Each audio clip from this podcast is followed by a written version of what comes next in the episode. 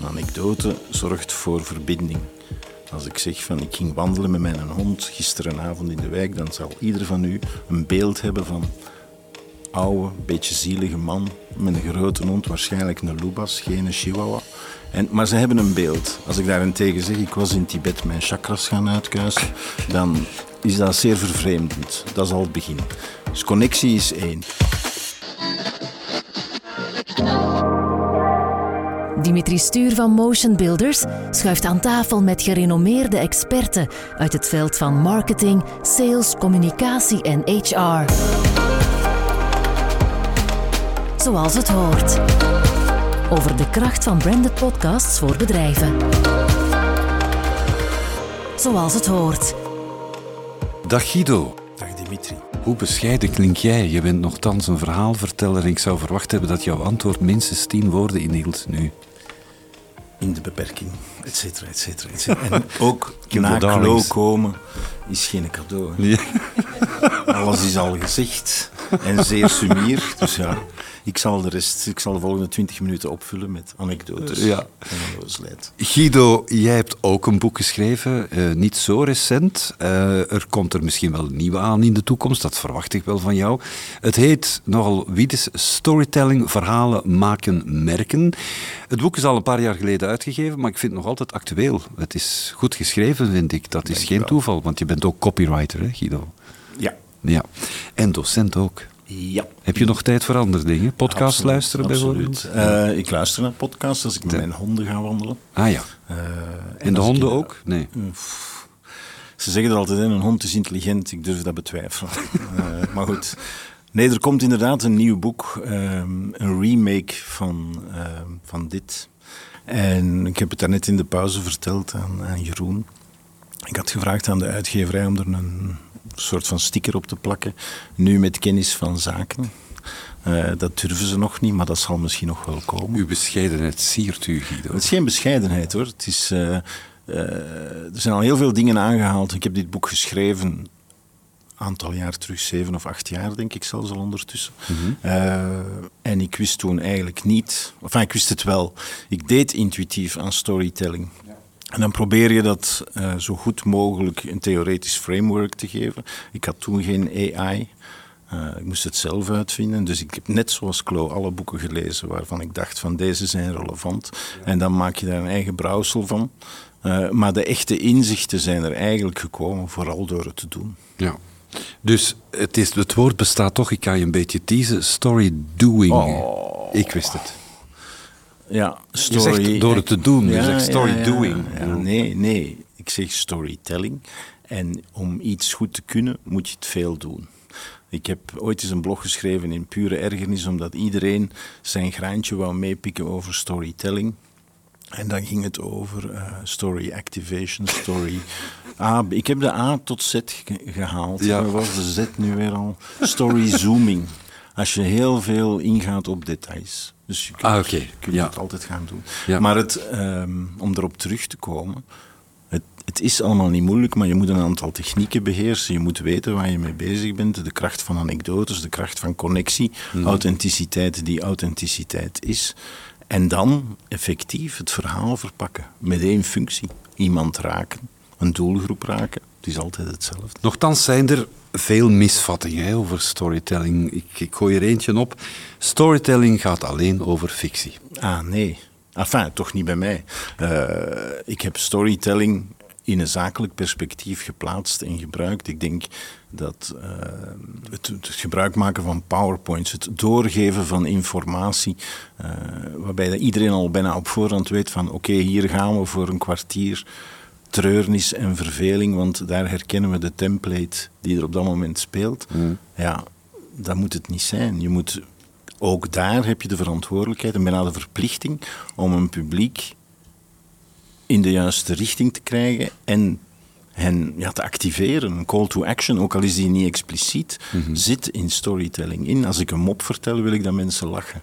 Als ik een businesspresentatie geef, dan wil ik dat ze overtuigd geraken. En dat ze nadien zeggen van, we gaan ermee aan de slag. Is het dan ook een, een misvatting dat je bijvoorbeeld moet stellen van storytelling in eender welke medium dat je gebruikt, podcast, video, whatever, een boek.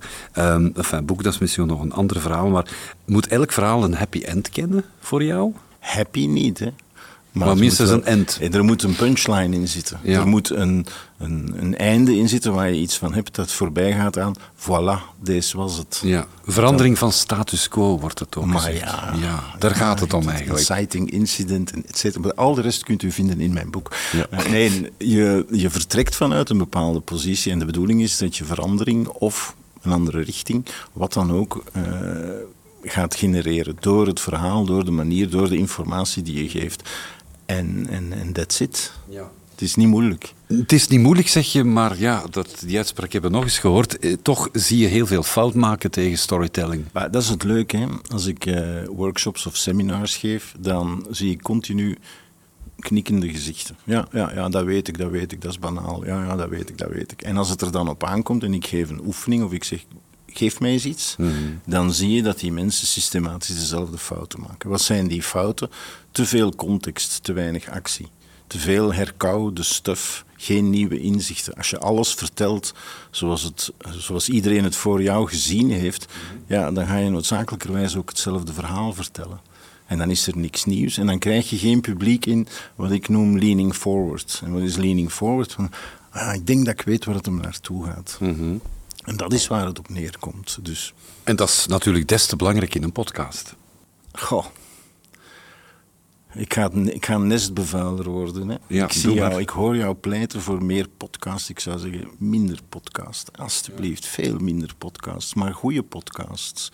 Ik denk, een podcast... allee, het is geen toeval dat heel veel goede podcasts door radiomakers gemaakt worden. Mhm. Wat Claude net al zei, of in een vorige uitzending, ik weet niet, ik zal het zinnetje nog eens opnieuw zeggen, dan kun je dat ook couperen. Eh, als iemand als Claude Willaerts zegt van goede audio is de, de basis voor podcasts, dan is dat waar. Alles wat dat hindert, is vervelend. Dus dat mag je niet doen. Wat zie je? Podcasts die gemaakt worden door mensen die radioervaring hebben of die geluidservaring hebben, zijn om te beginnen al aangenamer om naar te luisteren. En dan komt het volgende. Ga je, wat is het verschil tussen een goede interviewer en een slechte interviewer? Een goede interviewer stelt een aantal vragen en hoopt dat hij daar antwoord op krijgt. Daar zit geen, geen lijm, geen, Ja, geen binding geen cohesie. geen cohesie. Goede interviewers durven dat format loslaten en gaan van daaruit beginnen spelen. En dan krijg je een verhaal. En dan ben je geïnteresseerd zowel in ontvanger van de vraag als degene die de vraag stelt en die ze moet beantwoorden. En dan wordt dat boeiend. We gaan zeker eens een podcastaflevering maken over specifiek interviewtechnieken. Maar ik wil nu al aan toevoegen, Guido, wat jij nu net vertelt, doet me denken aan ooit een, een collega bij de VRT zei van interviewen is verleiden. Mijn, eh, mijn vaste geluidsman zegt tegen mij altijd: Unleash your inner Martijn Heiden. Oké, dat, dat, Je moet, je moet leren zwijgen. Ik ben degene die. Ik heb een, denk ik een te groot ego. En een, ik heb over alles een mening. Dat is ook hoe ik geworden ben wie ik ben. En dan laat ik mensen niet uitpraten en dan begon ik zelf. ja, ja, ja, dat is Ja, natuurlijk dat is niet goed, hè? Dat is niet de rol van. Nu ja. gebruik ik mijn ogen. En zeg ik van: vertel het eens. Ja, oké. Zeg het mij, geef het mij allemaal. En dat is inderdaad verleid. Ik, ik kijk ook eens diep in jouw ogen, Guido. Ik stel mij de vraag, je bent docent, je bent schrijver, copywriter, je schrijft column, eh, je schrijft boeken, of boeken op zijn minst, er komt er nog een nieuwe aan. Je bent druk bezig, af en toe ook op de golfterrein. Vroeger. Ah, vroeger, ehm, zie jij in alles verhalen wat je meemaakt? Ook als je in, voor studenten lesgeeft? Dat is eigenlijk heel grappig dat je dat zegt, want inderdaad, ik heb schrik van de stilte. Dus elk dingetje, dit hier, denk ik, ik kan binnen de 30 seconden een verhaaltje vertellen. Om, om toch maar die stilte te breken. Stel u voor dat het onaangenaam wordt, dan kan ik iets beginnen vertellen. Nu, ik denk ook dat dat een stuk training is. Je moet verhalen willen zien. Wat als?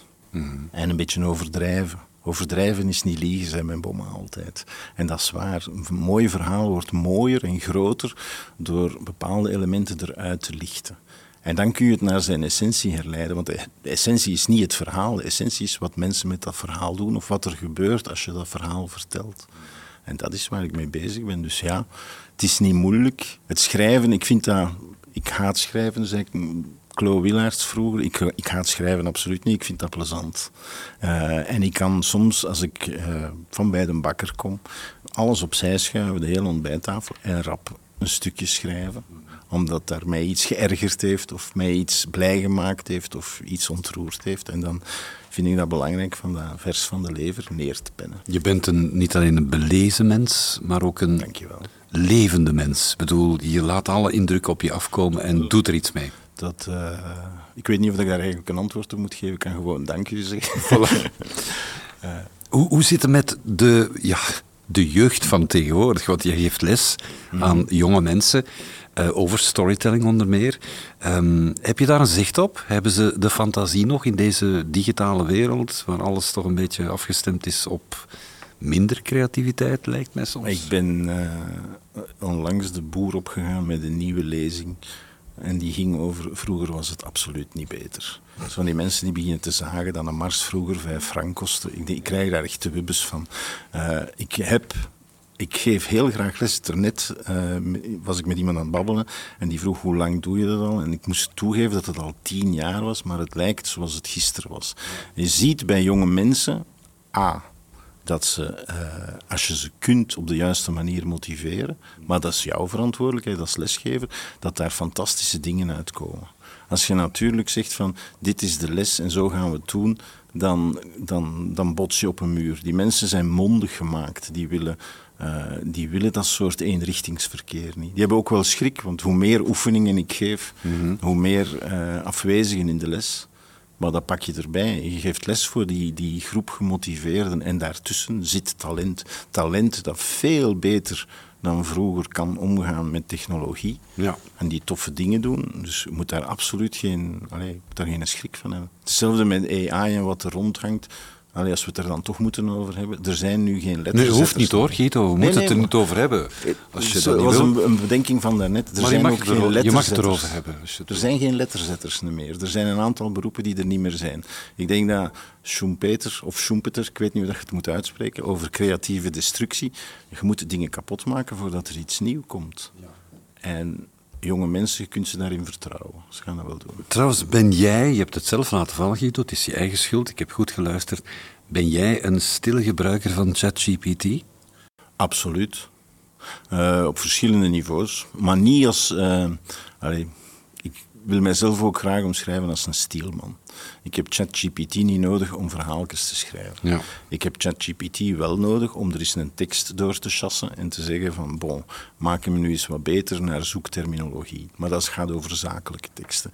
Ik laat heel weinig toe Um, als het gaat over structuur en over sentiment. Mm -hmm. Ik denk mhm. dat dat daar ook nog niet voor geschikt is, maar de dag zal komen. Ik heb daar ook niet direct schrik van. Wat ik uh, wel belangrijk vind, ik heb toen dit boek uh, uitkwam, ik had een ontzettend goede... ChatGPT, ja. dat was vorige eeuw, dacht ja, ik. Ja, maar dat was een ja. eindredacteur. Ja.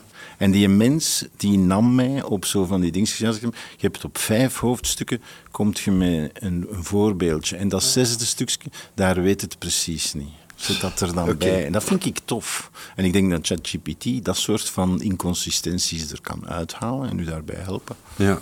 Even los van die AI en ChatGPT, back to basics, het traditionele storytellen. Niet altijd per se bij het haardvuur of het kampvuur en dat soort dingen. Kun je zo aan onze luisteraars eens meegeven, wat zijn zo de belangrijkste ingrediënten die doenbaar zijn om te realiseren, waardoor je beantwoordt het klinkt heel technisch in definiëren, aan de perfecte storytelling techniek. Heel eenvoudig houden, heel eenvoudig verteld aan onze luisteraars. Er zijn voor mij drie belangrijke elementen. De eerste is connectie. Connectie met een doelgroep. Dus als mensen niet willen luisteren, heeft het geen zin om een verhaal te vertellen. Dus zorg daar eerst voor. Zorg dat ze u graag zien. Op alle mogelijke manieren. Daar komen anekdotes bij kijken. Een anekdote zorgt voor verbinding. Als ik zeg van ik ging wandelen met mijn hond gisterenavond in de wijk, dan zal ieder van u een beeld hebben van oude, beetje zielige man met een grote hond, waarschijnlijk een Lubas, geen Chihuahua. En, maar ze hebben een beeld. Als ik daarentegen zeg, ik was in Tibet mijn chakras gaan uitkuisen, dan is dat zeer vervreemdend. Dat is al het begin. Dus connectie is één. Het tweede, je bent niet bezig met een documentaire of een beschrijving. Je moet verandering van spanning hebben. Een beschrijving en dan gebeurt er iets. Die gebeurtenis zorgt ervoor dat je de verschillende fasen van een verhaal kunt gaan uh, ontwikkelen. Ja. En dan kom je naar een besluit. En het derde, en dat kan ik niet genoeg benadrukken, is structuur. Weten wat je gaat vertellen. Begin, midden, einde. Context, actie, resultaat. Pity, fear, catharsis, noem het hoe dat je wil. Want, en dan komen we terug bij het haardvuur. Ik heb een presentatie, een standaard presentatie over storytelling. Pak 200 slides. Ja. Als uw slides wegvallen, elektriciteit valt uit. Moet en het ik heb dat gehad. overeind blijven ook. Ja, ik had dat in een, in een, in een business context, maar er was een haard. Dan heb ik gezegd van, we gaan rond het haardvuur zitten en we gaan het zoals vroeger doen. Als je dan denkt van, ik ga nu terug die presentatie doen zoals ik ze voorzien had, dan ben je fout. Maar als je begint vragen te stellen van, wat is het voor jullie, hoe zit het? Dus je bent vertrouwd in die materie en je begint te vertellen. Ja. En dan lukt het wel en dan kun je ook al die topics beantwoorden. En empathie is ook belangrijk, denk ik. Om een goede verhaal, een goede verhaal te schrijven of een mooie structuur eh, neer te pennen. Ja, je moet de mensen graag zien, zeker. Ja. Guido, ik zie u graag en ik had heel veel empathie voor u om hier een gesprek te hebben. Ik ga daar toch wel een kleine... Want jij hebt geen haar, hè? Maar ik heb nu dat spel op zitten en mijn mooie coiffure is helemaal om zeep. Dus ik denk niet dat je mij graag ziet. Enfin, dit volledig terzijde. Ja, Guido Everaar, toch bedankt om, eh, voor dit gesprek.